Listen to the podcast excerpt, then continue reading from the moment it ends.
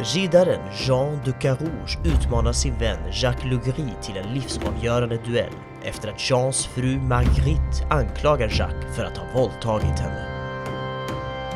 Filmen är skriven av Nicole Holfschener, Ben Affleck och Matt Damon och den är baserad på boken skriven av Eric Jagger. För filmens regi står Ridley Scott. I rollerna ser vi bland andra Matt Damon, Adam Driver, Jodie Comer, Ben Affleck, Harriet Walter och Alex Lawton. Filmen hade svensk premiär den 15 oktober 2021. Den är 2 timmar och 32 minuter lång och hade en budget på 100 miljoner dollar. Idag ska vi prata om The Last Duel.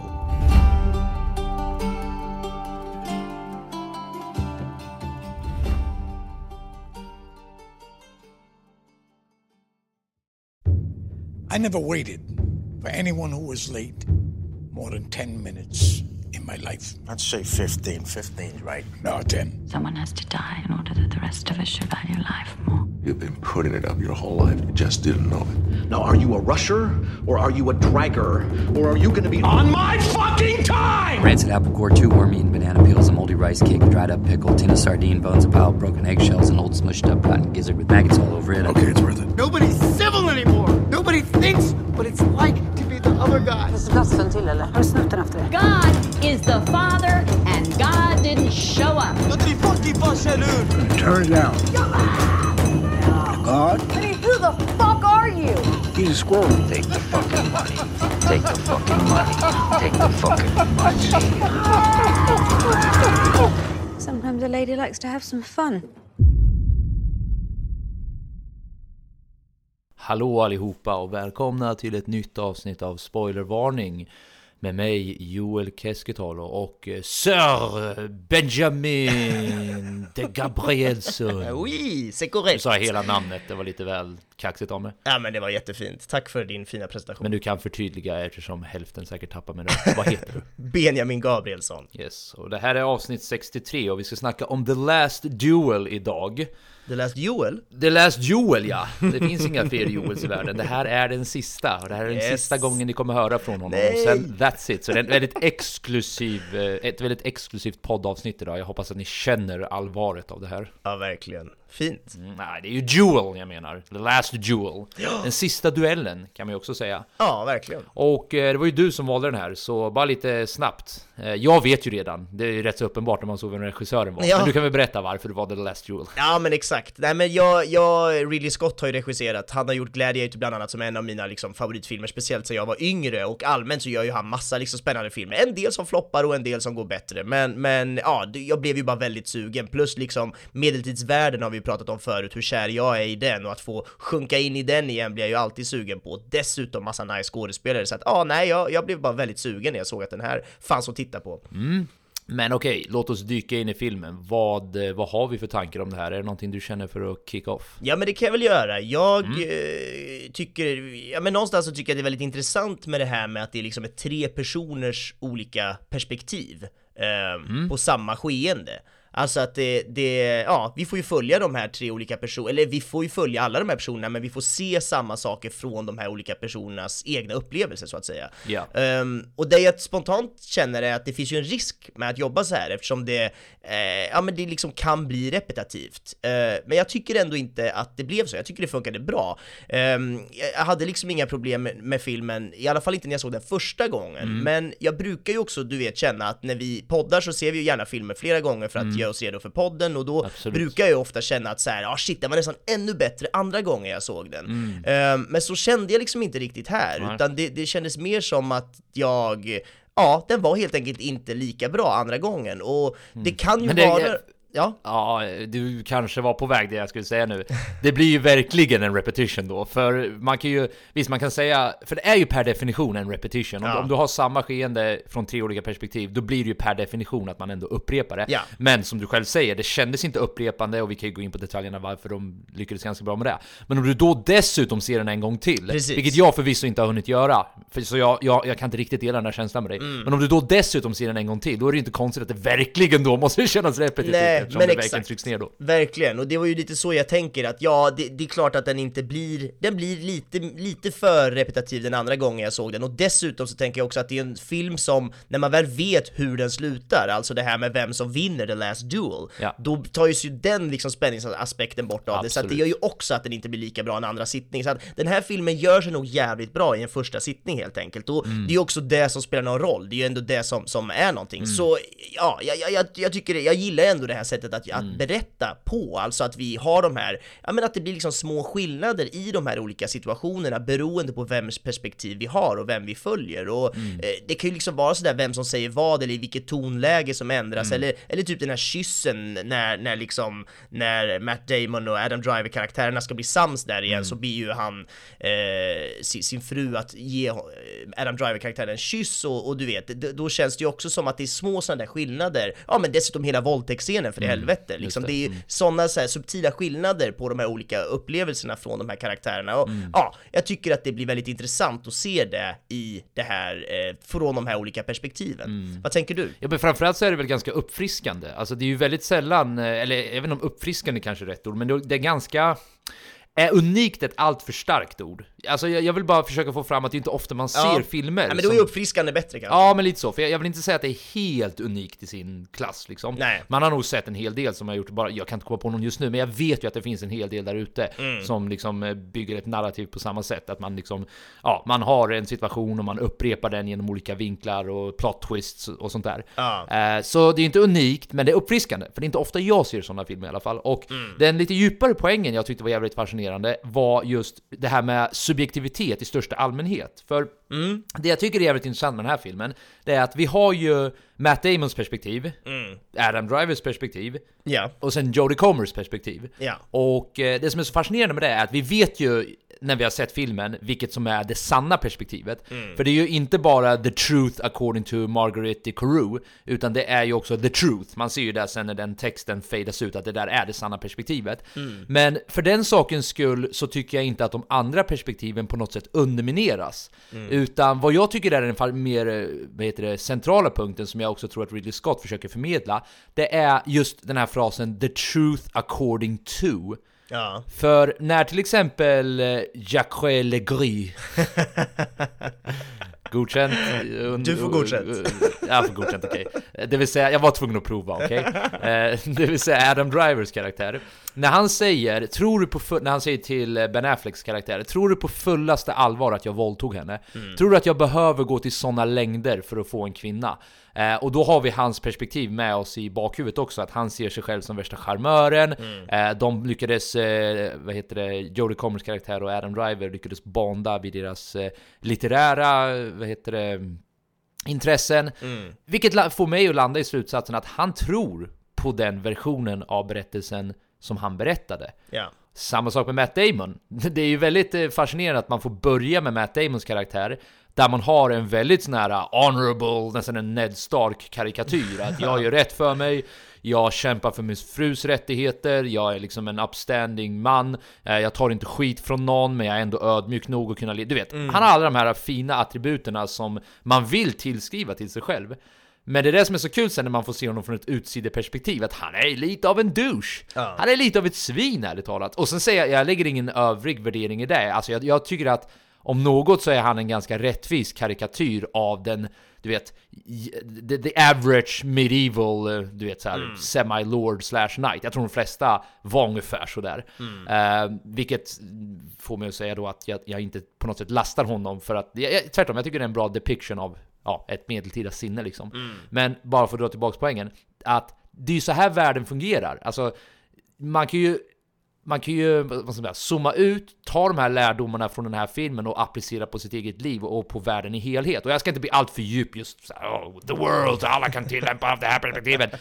Det jag menar är bara det att det här med subjektivitet är så jävla fascinerande och det här med vad som är sant och vad som inte är sant. Och det finns ju många postmodernister som hävdar att det finns ingen ultimat sanning i grund och botten, utan allting är bara tolkningar hela tiden.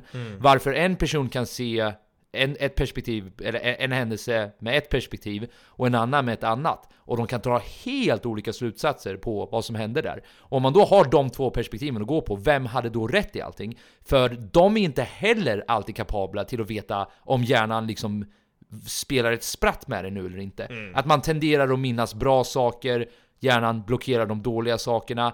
Att, man, att eh, du vet, så här, minnen är väldigt selektiva, att man kan bli väldigt så här, subliminally primed till att minnas vissa saker men att glömma bort alla detaljer. Allt det jag vill säga är att hjärnan är väldigt påverkad av sådana här signaler hela tiden.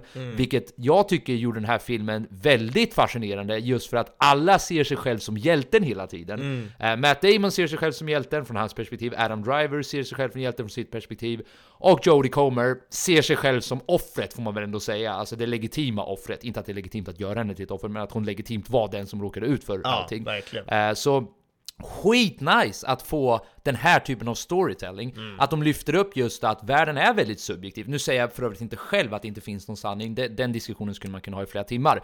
Men min poäng någonstans är att jag tycker det var riktigt nice av Ridley Scott och just i den här settingen också, och just i ett sånt här drama, lyckas gräva upp den här djupare poängen i att världen är väldigt... Eh, världen och sin egen plats i världen är väldigt subjektivt och är offer för dina egna impulser och ditt eget sätt att framskjuta dig själv liksom. Så, ja, så, så det är väl det jag har lite att säga angående hela det här, ja, den här typen av narrativ. Ja, verkligen. Jag håller med. Och det, det, det jag verkligen gillar i allt det här på något sätt är ju att det är just det här det handlar om. Alltså familjer, äktenskap, Mm. våldtäkt, maktspel. Det handlar liksom inte om det här, du vet, det stora, de här kungarna som styr landet Precis. eller de här stora Det är väldigt krigen. inzoomat. Ja men exakt, det är väldigt inzoomat och vi får se hur det är lite mer på vardagligt, vardaglig basis. Mm. Eller ja, i och för sig, liksom, det är ju fortfarande väldigt privilegierade människor vi följer. Det är liksom Jo, inga absolut. fattiga vanlisar så att säga. Men, Nej. men för det var ju de flesta människor var ju mycket fattigare än de Ja, vi får såklart. följa, men ändå, vi, vi får liksom inte följa de här absolut största kungarna och eliten som, som styr länderna hela tiden, utan Nej. det är lite mer vardagligt och det är framförallt det här inzoomade som du nämnde, alltså att Mm. vi verkligen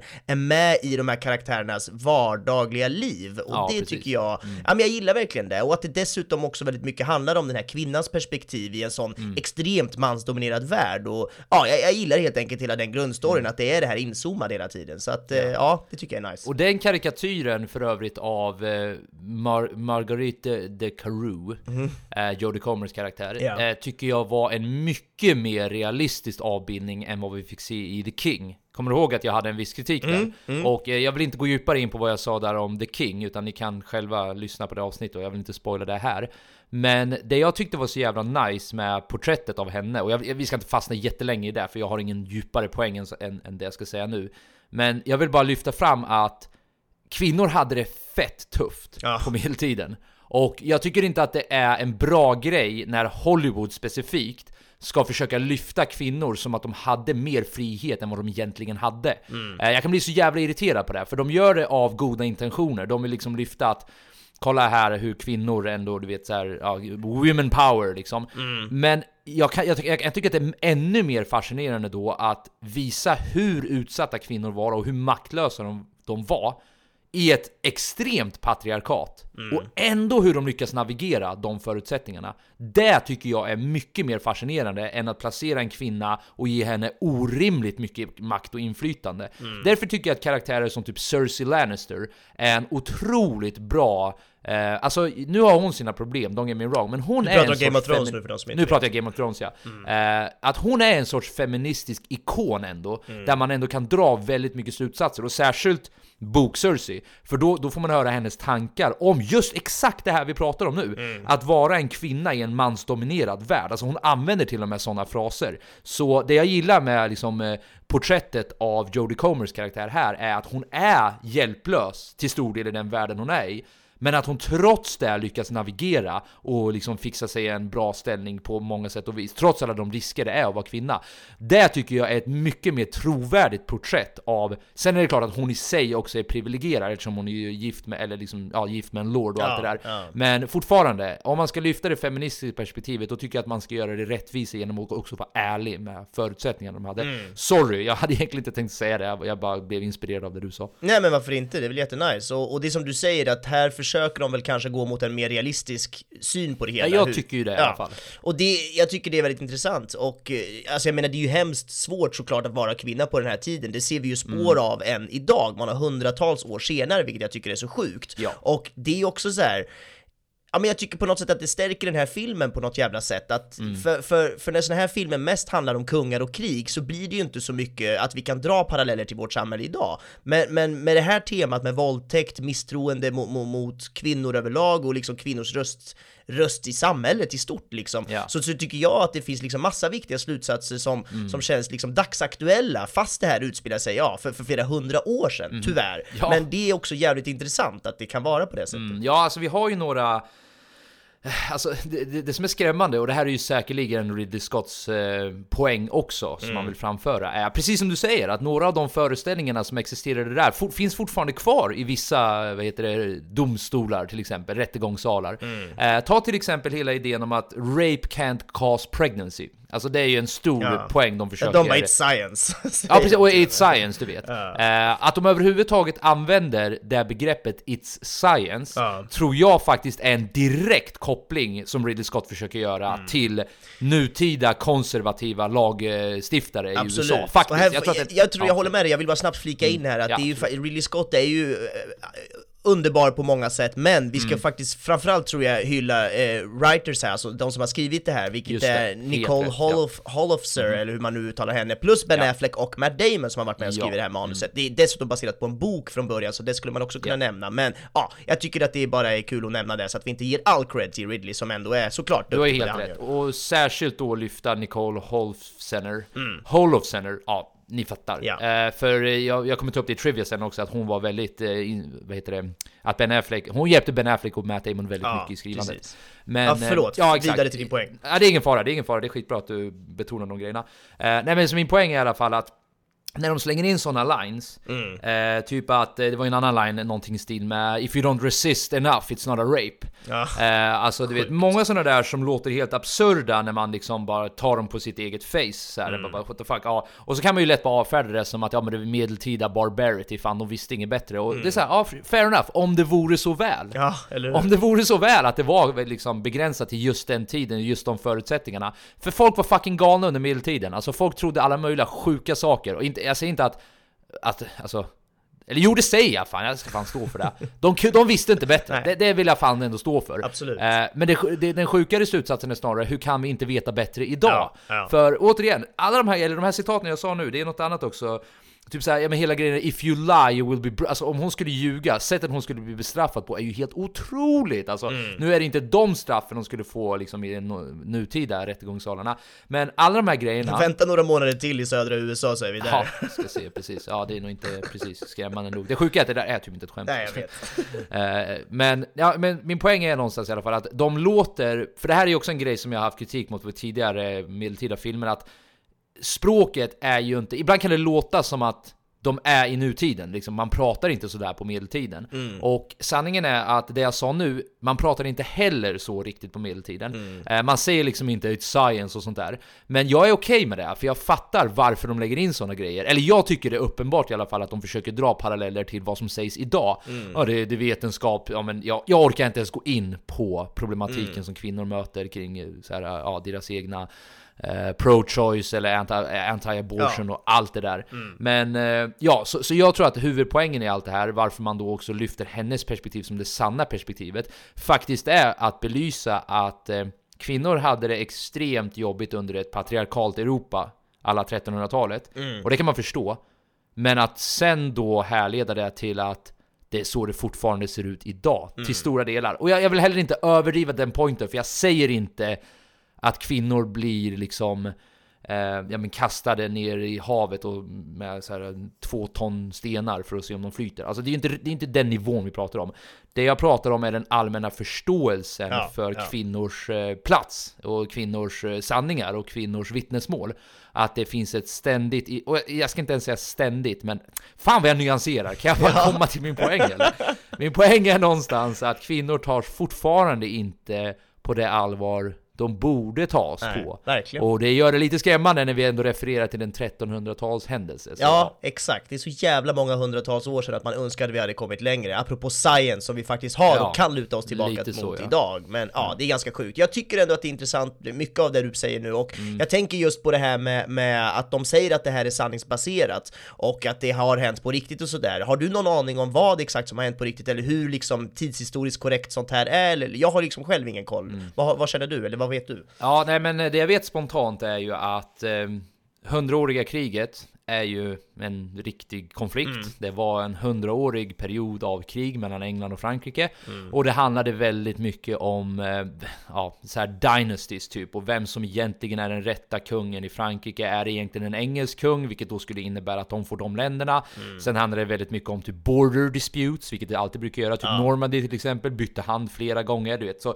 den allmänna settingen är korrekt. Sen är det också så att det här scenariot är väldigt träffsäkert. Mhm. Tydligen. Jag, jag själv inte läst boken Nej. från Erik Jager. Men jag har läst hans recension av den här filmen. Okej. Och han själv säger att den är, den är korrekt till 75% av, eh, vad heter det, ja, av det som utspelas i filmen. Filmen det är som alltså då- då 75% korrekt efter hans Utifrån bok. boken, ja, precis. och hans bok anses vara historically accurate, men du Okej, vet, ja. man kan alltid diskutera hur många detaljer som har gått förlorat genom historien, man kan ju aldrig riktigt, Nej, alltså, nej, han är så säker han kan vara givet Ja. de förutsättningar han, han, han har. Mm. Men det som har varit lite så överdrivet, det är ju obviously när man drar ut svängarna lite väl mycket. Det finns till exempel inte så överdrivet mycket bevis på att det var så mycket festande för Ben Afflecks karaktär, även om man kan typ dra den slutsatsen utifrån det som ändå har sagts under den Mm. perioden, att han var väldigt så här frikostig med de grejerna. Eh, tydligen så, jag har för mig att det var så att han, Matt Damons karaktär, faktiskt porträtteras lite väl rough. Mm. Eh, jag tror jag läste någonstans att han var egentligen lite mer åt sitt perspektiv om sig själv än det allmänna ja. perspektivet om honom själv. Även om slutsatsen fortfarande är att han inte är någon goody two shoes utan han är fortfarande ganska douchey. Ja. Så eh, Nej men så, ja det finns inte så mycket mer att säga om det. Som jag sa till dig förut, jag valde att inte riktigt researcha den jättemycket just för att jag landade vid slutsatsen att den verkar vara väldigt historiskt korrekt. Mm. Eh, Så jag har inte så mycket mer att säga om det tyvärr. Nej men vad intressant, det är ändå nice att veta. Eftersom den här filmen har så mycket som känns nice så är det kul att veta att ja, mycket av det har liksom troligtvis hänt på riktigt också. Det, det förgyller upplevelsen. Ja, alltså det, det, som, det som var av relevans, eh, sa Jäger i någon intervju, det är att det viktiga som han tittade på i den här filmen var att de lyckades få just porträtterandet av kvinnors roll. Ja. Det sociopolitiska vad heter det, rollen som kvinnor har i det här samhället. Ja. Och den tyckte han att man hade fångat jättebra. Eh, Jag har faktiskt ett citat som jag kan dela med mig Mm. som jag hade tänkt ta senare, men jag kan ju slänga in det här. Women of that, alltså det här är då från Erik Jager, han som har skrivit den här boken. Ja. Uh, women of that status on these feudal estates were in charge of a lot of things, especially when their husbands were away at war or, in, or on important businesses. I would call that historically accurate, even though we don't have direct testimony that Margaret did this or did that at the time. Så ni fattar, alltså den, den generella bilden är att det, det var ungefär så där det hände. Men man kan ju såklart inte gå in på specifika, Nej, du nej. vet, satt hon där, skrev hon där brevet, tog hon på sig, det, du vet, det är väldigt svårt att fånga sådana grejer. Så Mm. ja, det, det är bara för att understryka att den här, verk, den här är väldigt eh, Ehm, den är genomtänkt när det kommer till just att porträttera den rättvist utifrån den riktiga historien. Mm.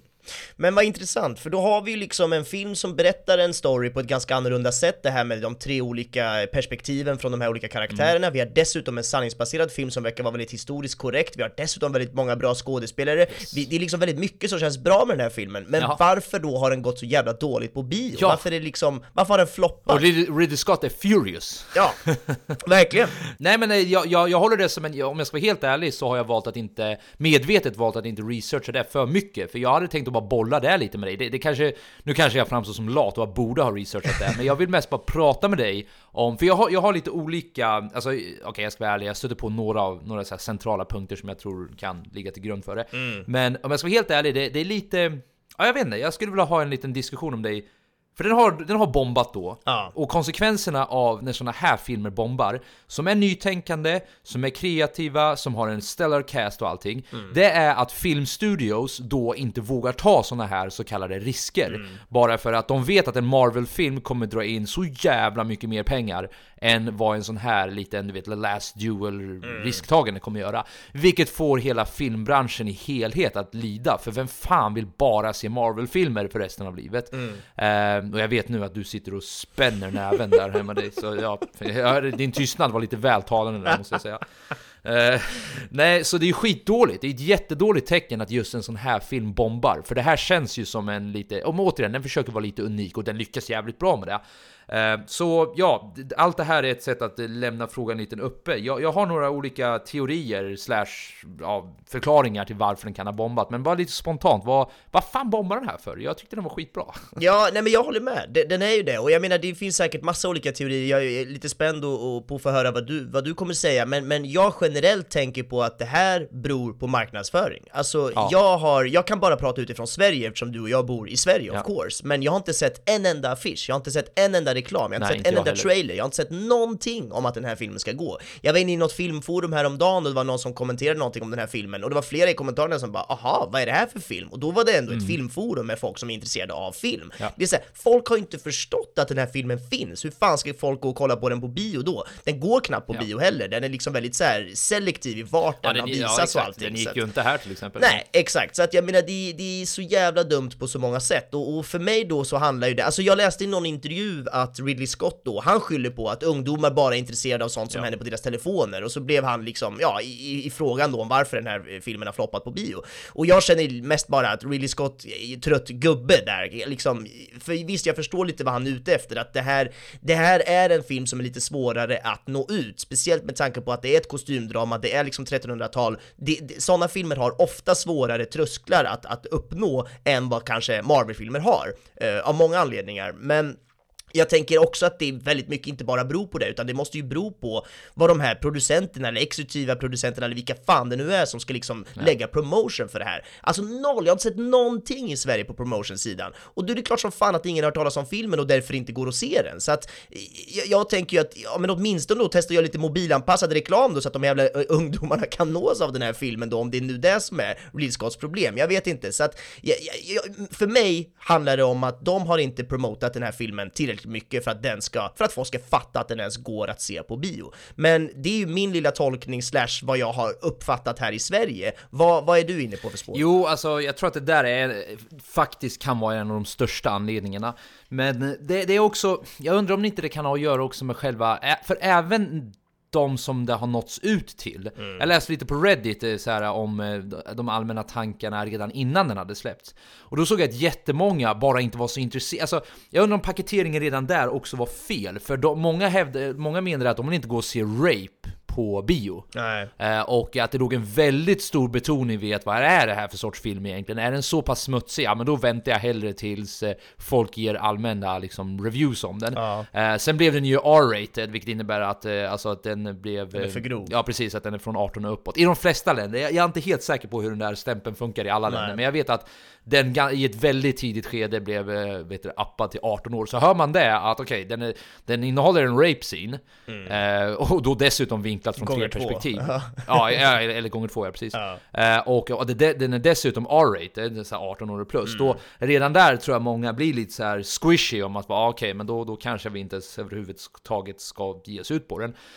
Sen tror jag ju också det uppenbara som vi har pratat om i andra avsnitt också, att covid har ju fortfarande Sant, ändrat folks sant. eh, Det filmvanor. påverkar fortfarande, så är det. Det Samtidigt som man liksom kollar på liksom Dune och Bond som slår liksom nya Ja, det rekord och allting, så att det, det Ja. går ju ändå. Så där är jag mer Ja. inne på att det beror på marknadsföring. Men jag Ja. tycker det är väldigt intressant vad du säger med de här olika uppförsbackarna och. R-ratingen som, som såklart gör jättemycket i ett land som USA där alla är så jävla liksom rädda för att, du vet, Mm. Står det att den är den här åldersgränsen, ja, då kommer nästan ingen gå och se den för att folk blir livrädda för det. Så att Precis, det, det och när vi istället, du, du och jag sitter och pratar om filmen som någonting viktigt och kanske någonting som talar för kvinnor i de här situationerna och så vidare. Så att, Mm. Ja, absolut. så att, alltså den här med R-rating överhuvudtaget, alltså det här med att man försöker få folk man vill få, för unga människor ska inte utsättas för att se vad som helst på bio. Ja. Mm. Jag kan bara tycka, släng er i väggen, för här gör ni ju så att folk liksom missar någonting som kanske är viktigt istället. Jag menar hur många av de här människorna som inte har sett den här filmen har suttit hemma och liksom onanerat till Squid Game när folk Ja, bara splättar sönder för att världens mest tittade serie liksom. Det är ju folk, det är liksom tioåringar som har suttit hemma och kollat på Squid Game. Mm. Ja. Men, men,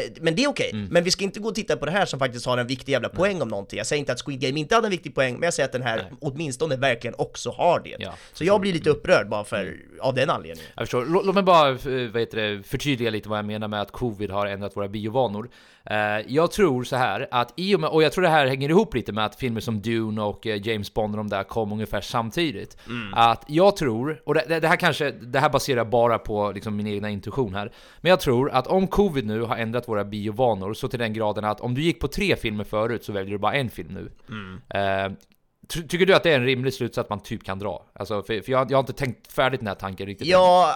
För det är average del. guy menar jag. Ja, och jag tänker att det gäller väl, det är väl så olika i olika länder också. Jag tror USA har väl haft mycket svårare med att öppna upp sånt här. I Sverige så gick vi på bio mer eller mindre under hela pandemin på Mm. Jo, olika det är sätt. Så, att, så att det är liksom, det beror lite på vart. Men absolut, i stora, stora generella drag så tror jag absolut att man kan säga som du sa. Ja, och om man, då, om man då tittar på de tre filmer, om vi säger bara, om vi leker med det här som ett tankeexperiment lite. Om vi då har, du, har, du får välja en av tre. För det är så du tänker nu kring bio, Nej Mm. men kring såklart, covid då kommer folk inte välja den Och sen har du Dune, och sen har du James Bond, och sen har du en film som är R-rated, som handlar om rape, som Ja. är lite obskyr. Sen, ja, då, då blir det nog att man väljer hellre den här Dune, som då, om man bara lägger till din pusselbit där i början, har haft en extremt bra marketing. Alltså en marketing som började redan 2019 om inte jag minns helt Ja, fel. ja, Eh, och verkligen var på alla Jag menar släppar. affischer på varenda gathörn och men liksom trailers överallt och allting. Ja, Ja. Eh, så jag, jag tror att det verkligen är, alltså jag, jag vet inte, det känns som att jag har olika lådor framför mig och jag kan lägga liksom olika poäng till varje låda och så ser jag, alltså i den första lådan så har vi marketing och du Mm. vet, där lägger jag ganska många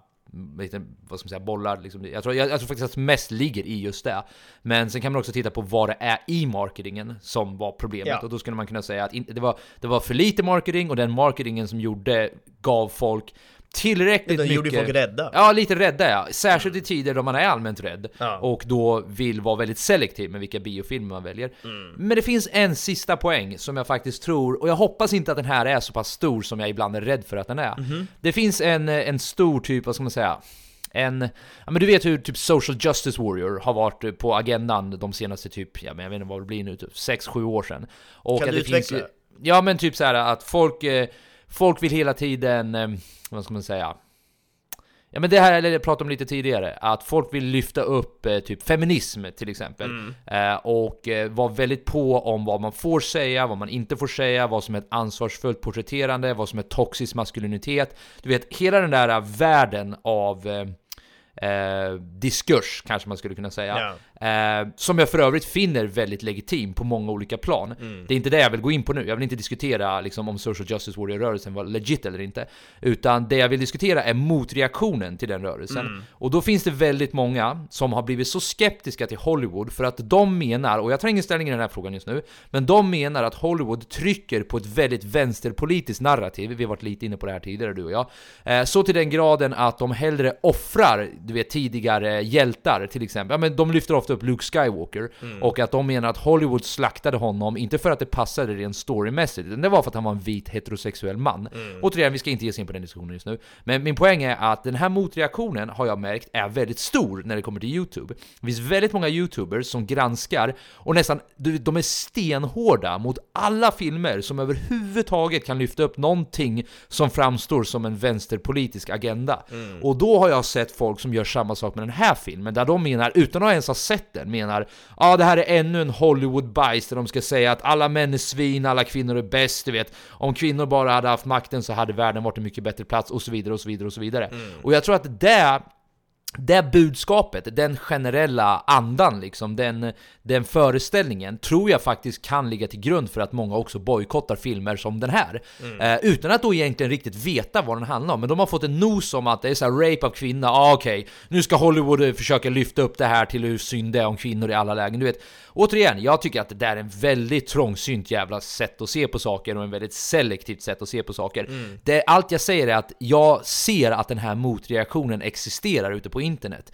Och det är det som får mig att undra hur stor roll spelar det för folk som vill se en sån här film? Och jag vet inte svaret på det, utan jag, jag bollar väl den till dig lite snabbt. Förstår du vad jag menar när jag Ja. pratar om den här typen av anda? Så vad, vad har du för tankar där? Absolut, det var jättebra beskrivet av dig för att jag förstår precis och jag, jag tror egentligen kortfattat att som, ja, för att kanske avsluta den här punkten överlag Ja. nu så tänker jag så här att jag tror att hela den här världen med, med film och allting, det är väldigt sällan det finns ett rakt svar, utan jag tror att det är väldigt mycket av alla de här lådorna som du precis målade upp framför oss, det liksom beror på alla de här faktorerna tillsammans, vilsa mer än andra, det är väldigt svårt för oss att veta vad exakt det är, men för mig kommer den största lådan, om det nu blir metaforen för det här, så kommer det vara den här promotion-lådan, att de inte har gjort tillräckligt mycket reklam för den här filmen, plus de här andra aspekterna som pandemi och det här sista som du var inne på också. Så att jag, jag tror att det beror på lite av allt det här och, och så är det väl helt enkelt. Ja, så är det, vilket är synd för jag hade hoppats att den här skulle kommit ut till fler. Det kanske den gör långsiktigt, men Ja. som sagt, jag, jag blir lite oroad att stora filmbolag inte kommer vilja satsa på sådana här filmer och istället går den säkra vägen alla Transformers och Marvel. Det är det som jag är mest oroad för. Ja. För absolut att folk ändå kommer se den här filmen till slut. Jag menar, kolla på, um,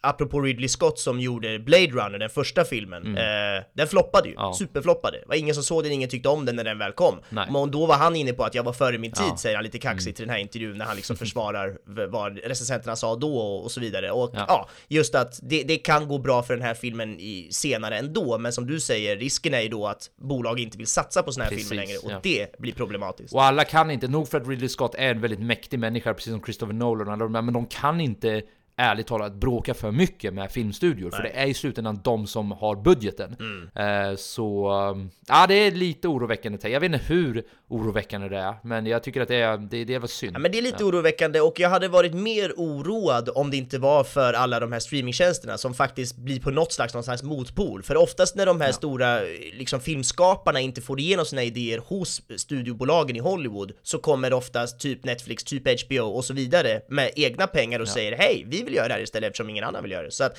jag, jag är inte så rädd, Ja. men jag är ändå lite rädd. Ja, nej, det it is what it is. Ja, alltså jag vill bara säga det, det är så jävla synd, för jag tycker det här är en av Ridley Scotts, alltså, ja, det är väl ganska starkt påstående att säga det, men jag tycker det här är en av hans Han har gjort bättre. väldigt Jo, jag mycket. vet ju det, men av, av de senare tycker jag det här är en av de bättre, Absolut. faktiskt. Ja men det säger något viktigt. Ja. Av det senare så är det här absolut en av hans bättre, Ja. det håller jag verkligen med om. Ehm, ja, men jag hade inte så jättemycket mer om själva filmen, så vill du gå in och köra på lite tekniska så kan vi nog göra det. Ja, vad kul, det gör vi verkligen. Den här filmen är filmad digitalt med en Arri Alexa LF tillsammans med Panavisions Primo 70-objektiv och det jag gillar här är liksom faktumet att det är filmat digitalt. Jag pratar ju ofta om skillnaden mellan digitalt och analogt eh, i den här podden då och det har ju sina för och nackdelar såklart men jag gillar ofta när filmer som utspelar sig förr i tiden, alltså inte vår tid, men kanske 50 till 90-tal eller så, då gillar jag ofta när filmerna är filmade analogt, just för att den här lite äldre och konigare bilden passar bra för att stärka att vi befinner oss i en annan tid, alltså före vår egen tid så att säga. Ja. Eh, Men efter att ha sett ett antal filmer som utspelar sig på medeltiden, som den här då gör, så har jag liksom börjat älska att det är filmat digitalt, alltså med superkrispig högupplöst bild. Och det tror jag beror på att eh, vi aldrig har sett medeltiden genom en kamera. Kollar vi på någonting som är från 50, 60, 70 eller 80-talet och så vidare, så har vi ju alltid liksom sett något filmat material från den här tiden som är då analogt och risigt, alltså det kan ju vara nyheter eller gamla filmer från den tiden eller vad det nu kan vara.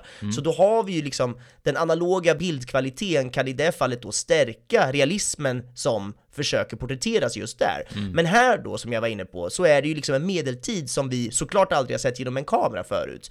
Vi har bara sett det på, på typ målningar och sånt. Och Därför gillar jag verkligen att man istället filmar medeltiden med superfina fullformatskameror med liksom super, superskarpa objektiv som gör att vi får se den här världen i den absolut finaste och mest högupplösta kvaliteten, vilket är precis vad vi hade gjort om vi var där. Det liksom förgyller upplevelsen av att vi skulle kunna vara där, vara en av riddarna eller bunden eller jag, är bara en person helt enkelt som går runt där och upplever det här. Och det älskar jag, jag tycker det är sjukt nice att de har valt att filma den digitalt helt enkelt. Ja men verkligen, det är ju en väldigt vacker, alltså missförstå mig rätt här nu för den, den, den har ju mycket brutaliteter i sig, men det är en väldigt vacker värld, det är en väldigt sagolik värld på ett plan. Alltså det, det är känslan jag får i alla fall utifrån hur den är filmad och att den är filmad digitalt och sådär, så det håller jag verkligen med dig om. Det, till skillnad från många andra medeltidsfilmer där jag kan tycka att det blir lite väl mörkt ibland och lite väl obskyrt nästan, så hade inte den här filmen det. Alltså jag, jag vill dra en snabb parallell till The King, men jag kan typ inte göra det för jag minns inte riktigt. Jo, gör det! Ja men kan du Jag fylla i det jag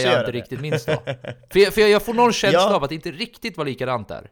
Nej men det, det är intressant att du säger det och jag tror att det, för, för de filmade också digitalt och det var Mm. också liksom såhär super crisp så att jag tror inte att det är den skillnaden du tänker på, jag tror snarare det är en skillnad i budgetfråga där. Mm. För att den filmen var ganska low budget medan den här är ganska, den har ju bra med pengar liksom. Mm. Så att jag tror att det är en stor skillnad att man, de, de har ju liksom, de kan bygga den här världen större och mer Ja, det- bättre på exakt, andra det är nog sätt. där det är, ja, eh, än vad de kunde göra i The King till exempel. Men jag kommer med Yes. några jämförelser med det om en liten stund. kör på. Kör på. Ehm, men kul att du är med och flikar in, det är Ja, alltid nej, uppskattat.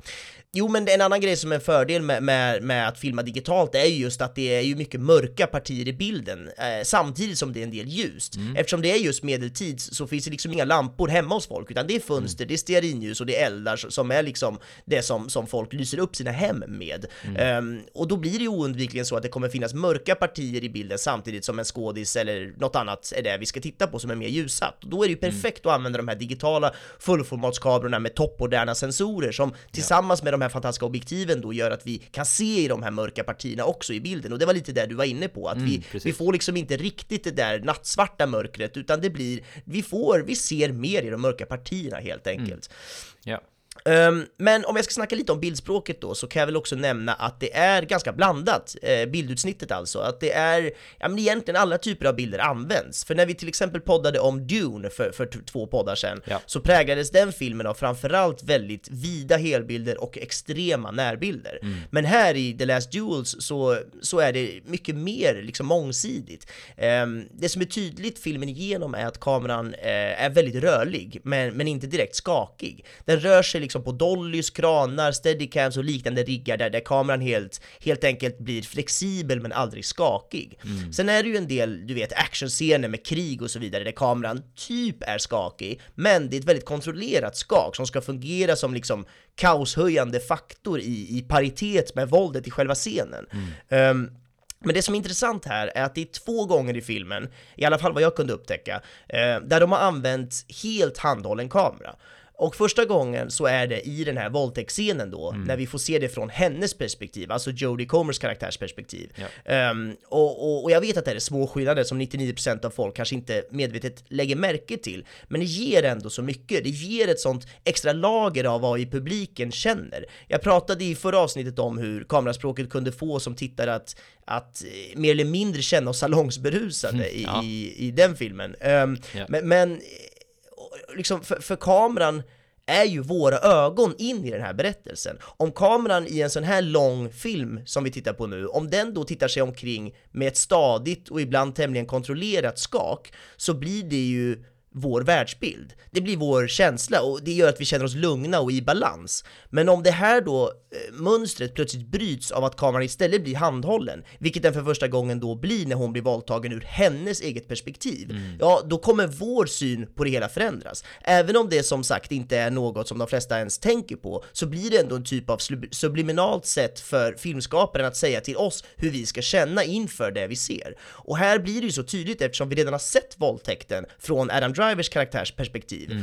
Och då eh, är det liksom aldrig handhållet, utan det är stadigt, det är lugnt, för att det är så han känner. Ja. Medan vi får se samma scen från hennes perspektiv, och då är det istället sekvenser där det är just det här handhållna skaket som Ja. bryter filmens stabila mönster, och det blir extremt jävla slagkraftigt. Mm. Sen, som jag nämnde, så är det bara en gång till som, som tror jag, eh, som sagt, jag har själv iakttagit det här, så vem fan vet. Mm. Men jag tror att det bara är en gång till som de använder det här med skakig hand, handhållen kamera, är det jag ska säga. Ehm, och det är när Matt Damon får den här kniven i benet i slutet, i den här Mm. duellen. Då representerar ju det här handhållna skakandet istället att han är nära på att dö. Vi som publik ska ju bli lurade att han kommer förlora och kamerans skak ska få oss att tro att det är hans liksom sista stapplande steg vi får se där. Så ja, jag tycker helt enkelt att det är ett väldigt simpelt och subtilt sätt att hjälpa oss eh, ja, att känna olika saker i scenen och sånt gillar ju jag. Men eh, om jag ska nämna något annat här så vill jag ändå prata lite kort om scenografin, kostym och allt sånt här. Det var lite sånt du var inne på också. Ja, liksom hela den här känslan av medeltida världen. Det är ju trots allt en, en väldigt tydlig medeltida värld vi får dyka in i och för att det ska funka så måste ju allt se så jävla trovärdigt ut som möjligt. Och vi har ju dels de här vackra miljöerna med slott, borgar, stora salar, eh, vackra landskap och så vidare. Men det är ju också såklart det här med kostymer och att Ja. folk har på sig, alltså alla de här rustningarna och Ja. när vi poddade om The King då som du nämnde, så, så, Mm. så, så, så, som också är ett kostymdrama som utspelar sig på just medeltiden ska jag säga för de som inte har sett den. Och så, samma, under samma, förlåt jag avbryter nu bara, men är exakt samma konflikt också. Det, det utspelar sig också under hundraåriga kriget. Ja men exakt, nice. Ehm, och då minns jag ju att, att vi nämnde att det var en väldigt vacker och trovärdig liksom, setting i den filmen. Ändå, trots att den hade en ganska låg budget. Ja. Eh, och det var lite det här jag nämnde förut, men här då i The Last Duel så har vi liksom några lager till. Rustningarna är ännu mer detaljerade, man ser att det är liksom tjockare plåtar, det är fler dekoreringar och detaljer och det är liksom tjockare ringbrynjor med fler ringar i och framförallt så är det liksom ännu skitigare, ännu mer trasigt, ännu mer liksom, ja men de här rustningarna har mängder med så skråmor och repor i sig och hela den här världen är liksom sjukt jävla smutsig och allt känns så jävla verkligt och nedgånget och förjävligt rent visuellt, vilket såklart är en bra sak eftersom det är liksom så vi till stor del har förstått att det såg ut på den här tiden. Så att Ja. Ja, det märks i alla fall att den här filmen har många miljoner dollar mer i budget än till exempel The King då och ehm, ja, det känns mer helt enkelt och det är bara extra allt, vilket är för jävligt snyggt att titta på och ytterligare ett sånt där, du vet, en extra faktor som hjälper oss att verkligen försvinna in i den här tidshistoriska världen. Mm, verkligen, som du så älskar att göra. Ja, det gud, hörs på dig på när du det. pratar om eh, settingen här nu. Verkligen. Nej men det jag skulle bara vilja säga lite snabbt Mm. och det är väl en liten, eh, en kritik som jag tänkte på eh, om The Ja, King. Jag har också en kritik här. Ja, vad lustigt. Se Får se om det är samma ja. Eh, för eh, jag kom på det, jag tänkte på det flera dagar senare. Eh, och det, det var bara av en slump, jag stötte på någon YouTube-kommentar eller något sånt där. Men det jag tycker den här jobbade väldigt bra på just när det kommer till kostymerna, det var alla färger. Var det samma? Nej, var inte Nej, det var inte det? Okej. För om det är någonting jag nu i efterhand tycker jag att King saknade, alltså de, de hade den rätta medeltida settingen, men jag har förstått det som att medeltida liksom lords, ladies och allting var också besatta av färger. Vilket fick mig till den enkla slutsatsen att The King borde ha varit lite mer färgglad. Och då när jag såg den här, då var jag faktiskt extra uppmärksam på den detaljen. För då tänkte jag, nu har vi liksom samma sorts liksom, tidsperiod här. Eh, samma sorts eh, miljö. Har de då löst, eller har, har de då fått med den detaljen den här gången? Och ja, den är ju jättefärgglad. Alltså inte att filmen i sig är färgglad, utan att de har väldigt mycket... Ja, men mycket kostymer och så. Ja, precis. Ja. Mm. Och kläder som bara är allmänt färgglada. Så det var egentligen bara det jag hade tänkt om The King, så vad hade du tänkt? Nej men intressant för att det, ehm, jag tror att det där, eh, The King vill, ville väldigt mycket, jag tror att det var sånt jag snackade om, jag minns inte exakt vad jag sa i den podden, men jag har för mig att vi var lite inne på att den, liksom hela färgtonen överlag i den filmen, hela gradingen och liksom färgkorrigeringen var ganska desaturated, alltså att de har dragit ur mycket färg, den kändes liksom skitig och nästan lite svartvit och mörk ibland, den var såklart inte svartvit, men det kändes som att de hade liksom jobbat på ett helt annat sätt där med färgerna, liksom dragit ur dem mer än att liksom förstärka dem. Och det tror jag var deras sätt att liksom förmedla den här kanske skitigare världen när de inte hade råd att göra lika skitigt liksom in camera så att säga, så var de tvungna att göra off camera. Ehm, sen såklart så kan de göra färgglada kläder på sig ändå, och just den parallellen kan jag inte riktigt säga om det var liksom bra eller dåligt, jag minns inte, men jag minns att jag tyckte att den var liksom, var mindre färgglad rent visuellt Ja. allmänt i filmen. Men det jag tycker som jag, min lilla kritik handlar om den här filmen, The Last Duel alltså, och det är de här ehm, hjälmarna i sista duellen. Alltså sådana hjälmar fanns bara inte. Man har inte en halvöppen hjälm. Det kommer liksom stora slag och lansar Ja, och hästar och pilar och skit från alla håll. Hjälmen är helt stängd. Hela poängen med en hjälmjävel, att den ska vara stängd och skydda ditt ansikte. Och jag förstår på något jävla sätt att de har liksom den här halva hjälmen öppen för att vi ska se de här liksom dyra Hollywoodskådisarnas ansikten. Ja. Men vi ser ju det hela tiden ändå, både innan och efter. Kunde vi inte bara skippat just det där? Fin- Finns, det finns liksom andra sätt att göra det på. Man kan ha liksom coola närbilder på ögonen genom hjälmarna, eller typ andetag som kommer ut Ja. eh, ur de här med liksom, du vet, det är så här ånga och sånt som kommer ut. Och ah, du vet, det finns så jävla massa sätt man kan göra det här på. Och istället så gör de några helt liksom overkliga hjälmar som, som absolut inte fanns på den här tiden för att vi ska se de här skådisarnas ansikten. Ja, ah, nej, det, det, det gjorde mig riktigt galen faktiskt. Som tur är det en liten del av filmen, men jag blev, jag blev arg. Garanterat Ben Afflecks idé om du frågar mig, men vi får Ja, se. såklart det var Ben Affleck, det, vi vet ju. Allt dåligt som någonsin har hänt, inte bara den här filmen, utan jag tänker typ så här worldwide, Överlag. historically, Ja, ja, ja. så är det Ben Afflecks fel. Garanterat.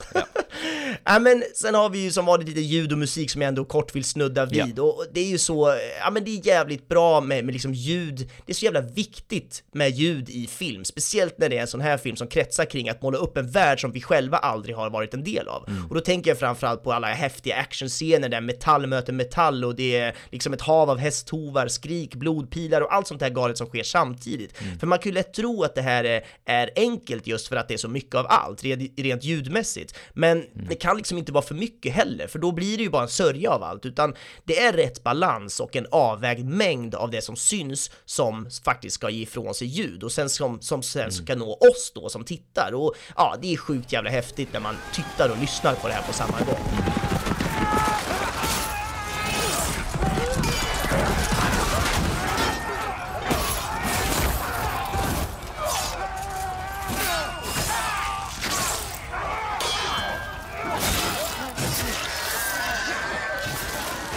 Och när det gäller musiken så kan jag kort bara nämna att den är väldigt tidsenlig. Det är liksom mycket gamla medeltida instrument, typ så här flöjter, krumhorn, mandolin och luta. Det vet vad det låter som? Nej? Det låter som, jag brukar ibland typ så här när jag gamer brukar jag gå in på Youtube på min vänstra skärm och söka på typ så här Ancient Medieval Study. Music eller något sånt där. Det är så jävla nice att ha i bakgrunden. Man, man, det, det känns verkligen som att man sitter på en tavern vet du, i Ja. 1300-talets England och bara väntar på sin pint. Exakt. Eh, jag tycker det var mycket sån musik Verkligen! Här. Ja. Och jag vet vad du menar, det är väldigt häftig musik, den är fin och vacker och liksom är invaggande. Och jag har ju lite stora delar växt upp med sån här musik, för min mamma spelar ju i här medeltida band och spelar många av de här instrumenten. Så att det är liksom, jag har väl fått höra det här, de här fina tonerna många gånger och det, ja, det är väldigt vackert och det, det passar ju så bra här när vi ska in i den här världen att det är sån riktig tidsenlig tidsenliga instrument som faktiskt är det som, som gör det vi hör. Och ja, sen är det ju också eh, liksom, eh, blandat med en del större orkestrar också, lite modernare instrument och såklart några såna här vackra körer och allt det här för att vi ska få den här ganska episka känslan som också är viktig i en sån här typ av film. Ja. Men det är i alla fall en väldigt vacker och ja, åtminstone väldigt eh, till höres sätt tidsenlig musik, om man nu kan säga så. Snyggt där, till höressätt. I like it. Ja, det var påhittat. Men med det sagt, ska vi snacka lite skådisar kanske? Och eh, ja, finns det att säga egentligen? Som, som, som så många gånger har... En fråga som har ställts så många gånger när det kommer till skådespelarinsatser. det är ju så svårt kan jag tycka, när man har en casting som består av Matt Damon, Adam Driver, Jodie Comer, Harriet Walter, Ben Affleck, alltså säg vad man vill om Ben Affleck, men det är ett stort namn åtminstone. Verkligen. är ju en stellar jävla cast de har här. Vilket återigen för oss ju till punkten varför de bombade. Bara det i sig Det borde ju så kunna ha konstigt. lockat Marknadsföring, folk. marknadsföring! Ja, det är väl Sätt det. bara de här Ja, personerna på affischerna så skulle ju det räcka. Kan till och med ta den där halvcringiga hjälmen på dem också. Det skulle säkert lura Precis. 90% av alla som inte bryr sig om Exakt. sådana detaljer. Verkligen. Ja. Nej men jag, jag, jag vill ju framförallt bara säga så här. Mhm. språket. Alltså jag har så jävla svårt, vi har ju pratat om det här tusen gånger i olika filmer, Mm. men att det är då, de, de är i Frankrike, det ska vara fransmän, de har franska namn, det är till och med statister i bakgrunden som pratar franska och någon sjunger någon fransk liksom visa, Mm. men så är det liksom amerikanska skådisar som pratar ett språk som inte ens fanns Ja. när det här utspelar sig. Ja. Det har jag väldigt svårt för, men det tar mig liksom typ en halvtimme av filmen för att bara släppa det där Mm. och komma in i vad det på riktigt handlar om. Så att det för mig blir en jättebarriär redan, redan to start with liksom. Mm. Jag kan faktiskt förstå det och jag är lite förvånad att jag inte hade samma barriär för jag brukar tycka samma sak. Jag brukar också känna att fuck, ska det vara en alltså då får ni ta originalspråket, ni får fan anstränga er lite. Men av någon Då hade den ju så sålt ännu mindre. så Ja exakt, exakt. Ja faktiskt, alltså vad, exakt, jag, jag bollar den frågan till dig. Vad skulle alternativet ha varit egentligen? Nej, det är jag- ju jag som, som du säger i inte. så fall Ja. franska skådespelare, eller om de här lär sig franska på stört, men jag menar, ja, eller jag vet inte. Ah, Nej, det hade ja. inte funkat. Inget av det hade funkat, Nej. utan i så fall, jag vet att vadå, The Last, eh, nej, ehm, The King som vi har nämnt nu några gånger, där har vi ju mm, Robert Pattinson, han har ju en ganska grov fransk dialekt i den filmen. Mm. Det är ju ett sätt att göra det på, att det är fortfarande engelska men att det är grova franska dialekter. Jag menar, det, det, allt, det är risk bara att det blir larvigt ändå, så att på något sätt köper jag det. Mm. Det jag kanske hellre hade gjort det och valt skådisar som inte pratar just amerikanska, för att amerikanska, det är så jävla modernt. Det fanns ju inte. Mm. Nej. Alltså Det engelska som är från USA är det jag försöker säga. Det fanns ju inte ens på den här tiden. Nej. Liksom när Ben Affleck kommer in med, med, med liksom så här Boston-dialekt. Nu har han ju inte riktigt det, han har liksom trimmat bort det mycket Mm. Ja, av, jo, i den här men filmen. Ibland skiner den igenom. Ja, och jag, har bara väldigt svårt för det, men samtidigt, jag har ingen bättre lösning heller. Det är väl vad det är. Visst, man kan göra den här filmen på franska, men då säljer den ju fyra biljetter Ja. i Frankrike och that's it. Ja, liksom. precis. Ja, nej, alltså jag kan väl, jag, jag, jag, jag kan förstå vad det är du åsyftar och jag kan ju många gånger uppleva samma sak. Men eh, det var faktiskt, om jag ska vara helt ärlig, ingenting jag störde mig på den här gången. Jag, jag, jag kom, jag, för mig gick det ganska fort. Nej men vad skönt. Jag tänkte tanken, jag också. Men för mig gick det Mm. ganska fort att komma över den ändå. Men jag förstår for sure vad du pratar om. Ja. Eh, jag vill bara lyfta, för det känns återigen, ja alla pissbra skådespelare, pissbra skådespelarinsatser. Mm. Men fuck vad Adam Driver är bra! Jag tycker han är så jävla bra! Alltså jag tycker, det är så jäkla sjukt för jag skrev också det i promotion-inlägget på vår Facebook-sida. Eh, att hör Adam Driver hemma i eh, alla andra tidsåldrar förutom den vi existerar i nu. Jag tycker att han, han, han har ett mycket, alltså han ser ut att kunna vara en Space Warrior alla Kylo Ren. Men han ser också ut att kunna vara en Medieval Knight. Ja. Eh, han är så jävla bra bara på de rollerna han gör. Och jag tycker han var skitbra i den här filmen också. Sen är ju Matt, alltså... Det finns ju en djupare poäng här också som jag tycker är fascinerande kring vad, vad det är de förväntas göra, de här skådespelarna. För i och med att filmen är strukturerad på sättet den är, du vet med tre olika perspektiv, Ja. då måste de ju spela tre olika versioner av sig själva. Mm. Så den ena versionen blir ju den mer, om vi tar Matt Damons karaktär, det blir ju den här mer ädla, mer respektabla, mer Ja. så här, ja, hans bild av sig själv.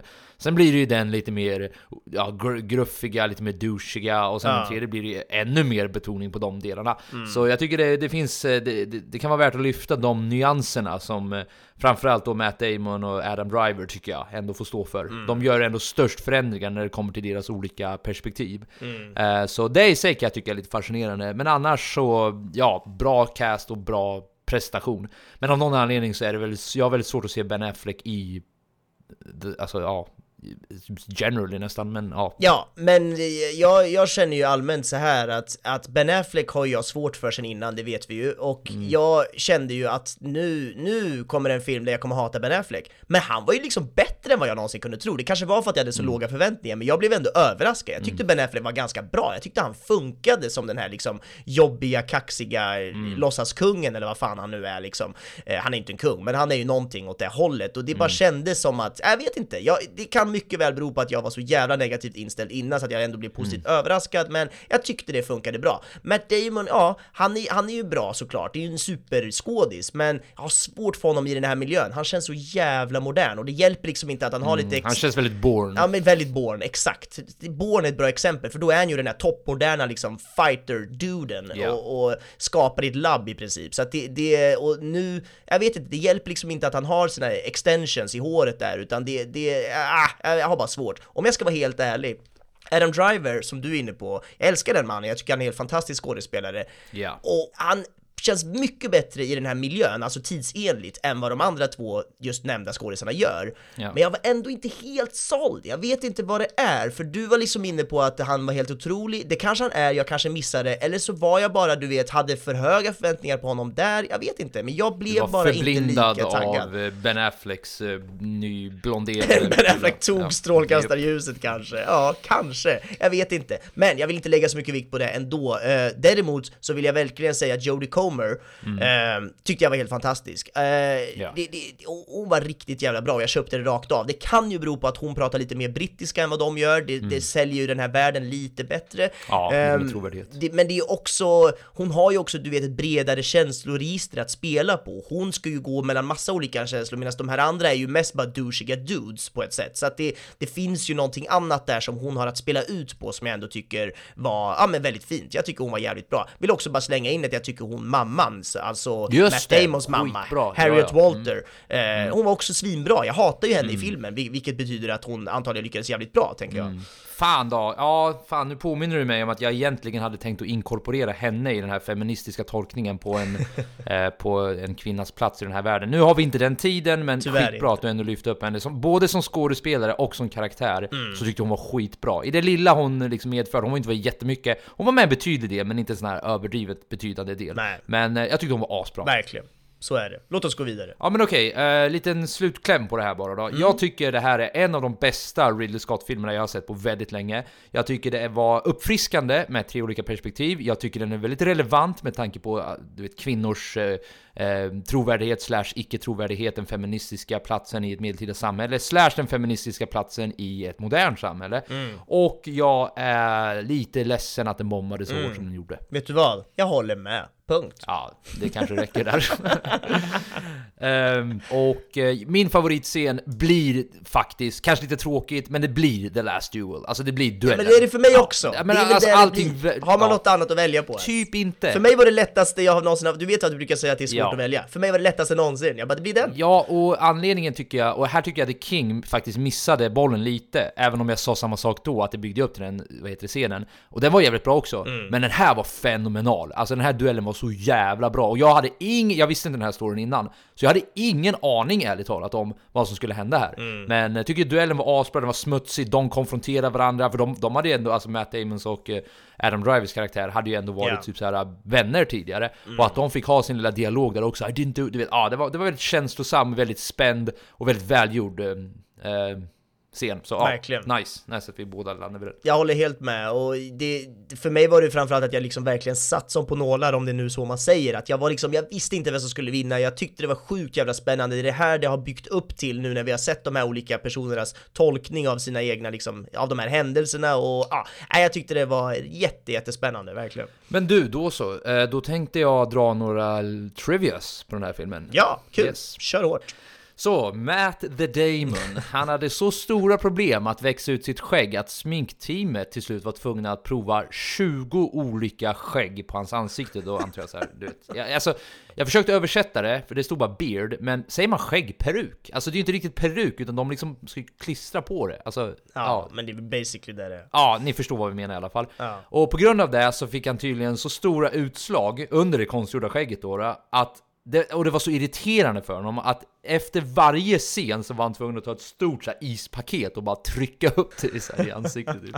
Så det är, vi har pratat om det tidigare, det är nog för att de är privilegierade på många sätt och vis, men fan, utmaningarna ibland att vara en actor. Verkligen. Eh, Matt Damon har sagt att han och Ben Affleck tog hjälp av då Nicole Holofcener för att kunna skriva det kvinnliga perspektivet i manuset. Och båda de menade att hennes bidrag var så viktigt att de, de troligtvis aldrig skulle kunna ha fått det så bra utan hennes hjälp. Så hon verkar ha haft en betydande del i, i ja, framställningen av manuset. Mm, intressant. Tanken från början var att Matt Damon och Ben Affleck skulle spela huvudrollerna, men istället så steppade Adam the Bus Driver in och tog Ben Afflecks roll. Och det här hade att göra med en schemakonflikt hos Affleck som höll på att spela in filmen Deep Water som kommer att släppas 2022. Så Mhm. där har vi ett alternativt scenario hur filmen skulle kunna se ut med de två i huvudrollerna. Coolt.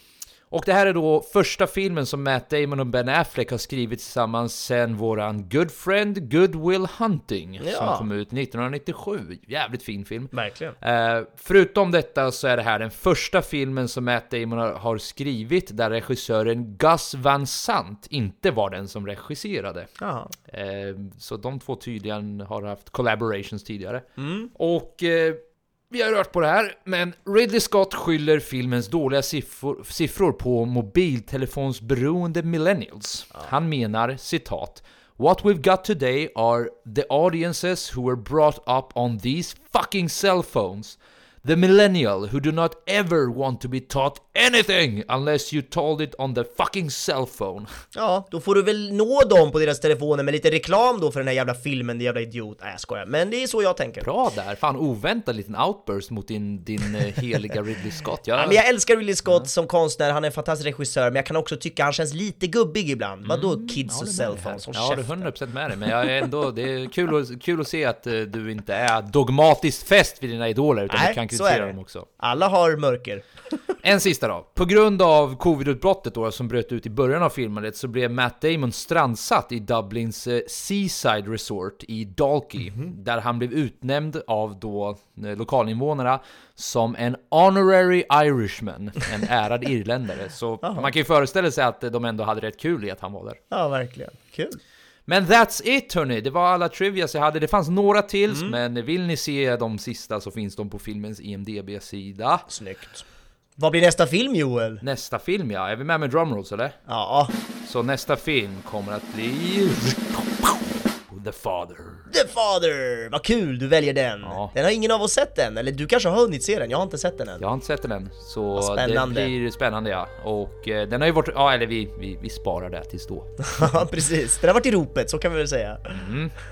Och eh, vart kan folk hitta oss ifall de behöver lyssna eller känner behovet av att höra oss? Vi finns där poddar finns, som vi brukar säga, i alla de här podcast-apparna och det är jättebra att pre- prenumerera, det är jättebra att likea, det är jättebra att ge oss 5 stars, allt sånt där skit kan, kan ju liksom gynna oss om ni faktiskt tyckte att det här var bra, så gör gärna det. Men sen är det också svinbra att följa oss på Facebook, där heter vi spoilervarning och där lägger vi ju ut så här kommande filmer, vart man kan se dem, lite länkar till ställen och länkar till liksom intervjuer och sånt där, smått och gott. Så följ oss på Facebook, spoilervarning heter vi där. Då så, tusen tack för att ni har lyssnat och eh, på återhörande. Ha det gött! Så säger vi, ha det! Hej, hej. hej! hej.